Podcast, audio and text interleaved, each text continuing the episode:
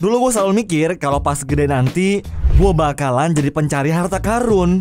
Tapi nggak disangka-sangka, gue sekarang malah ngeberitain orang yang nemuin hal-hal besar di seluruh dunia guys. Kalian penasaran nggak apa aja penemuannya?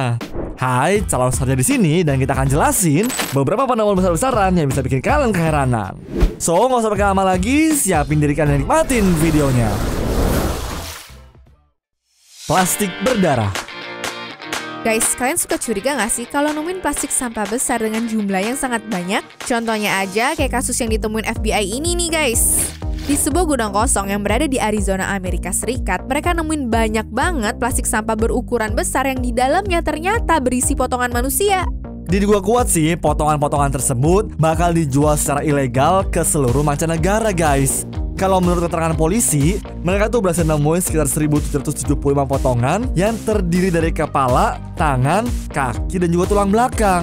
Tapi nggak cuma itu, mereka juga nemuin ratusan cooling box yang setelah dibuka ternyata berisi penis pria. Kalau diperhatiin, rata-rata organ yang bisa didonor kan? Katanya sih harganya lumayan mahal loh guys. Buat kadaver komplit, mereka ngejual dengan harga sekitar 70 juta rupiah. Sedangkan bagian kayak kaki dan tangan dijual dengan harga 7 jutaan. Nah, tinggal kaliin aja deh tuh sama jumlah potongannya tadi. Fix kaya sih ya yang punya. Tapi nih ya, menurut pengakuan polisi guys, mereka juga nemuin semacam Frankenstein loh di gudang tersebut. Katanya potongan badan manusia nggak kepake, mereka jadiin satu lagi terus dipajang di tembok gudangnya. Nggak habis pikir sih, itu badan manusia loh. Masa dijadiin mainan gitu? Ya kalau menurut gue orang-orang jahat kayak gini mah fix jadi penghuni neraka gak sih? Emas Guys, kalian denger gak? Kalau beberapa bulan yang lalu, mantan wali kota dan cowok yang bernama Chang Chi ternyata ketahuan jadi pejabat korup. Katanya sih, dia itu udah jadi incaran Badan Pemberantasan Korupsi Cina semenjak tahun 2013 lalu. Butuh waktu selama itu guys. Mungkin biar polisinya yakin kali ya kalau mereka tuh nangkep pas ada buktinya. Dan ternyata bener aja dong, pas rumah Pak Cangki digeledah, mereka nemuin 13,5 ton emas batangan senilai 9 triliun rupiah dan uang kertas sekitar 520 triliun rupiah. Selain emas dan juga uang tunai, mereka juga nemuin sertifikat tanah mewah sama beberapa barang antik. Waduh, banyak bener ya hartanya. Bahkan si Changchi ini ternyata sampai punya ruang bawah tanah loh buat nyimpan semua kekayaan dia itu. Dan setelah dihitung-hitung, kekayaan dia sebenarnya tuh bisa ngalahin Jack Ma, orang terkaya di Tiongkok guys. Gila, gila. Padahal katanya pejabat negara tuh hidupnya buat ngabdi ke rakyat. Kok ini malah korupsi sih?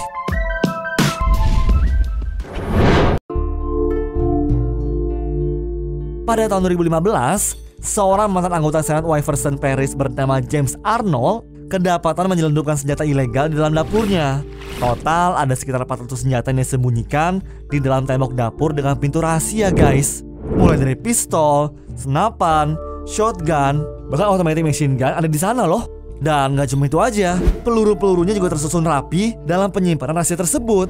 Dan ini merupakan penemuan senjata ilegal terbesar di Inggris loh. Gara-gara itu James seharusnya dibawa ke pengadilan Tapi dia keburu meninggal karena mengidap kanker di usia ke-49 tahun. Gak ada yang tahu pasti tuh guys apa tujuan James lakuin itu. Tapi yang jelas dia gak punya izin ya. Hewan. Di tahun 2017, pihak kepolisian South California dapat laporan kalau ada sebuah gudang yang menimbun banyak hewan ilegal.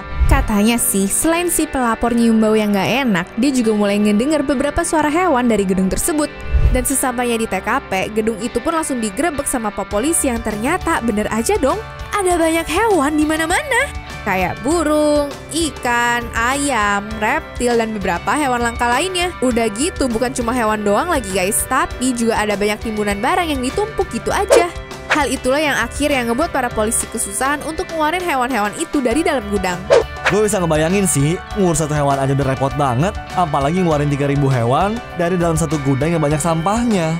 Sekedar informasi aja nih guys, dari 3000 hewan itu, mereka nemu 1000 hewan yang sudah meninggal dan sisanya masih bisa diselamatkan.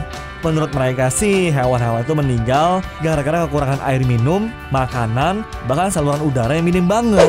Ujung-ujungnya, apa polisi baru tahu kalau yang punya gedung itu udah ditangkap gara-gara kasus kriminal lainnya, guys.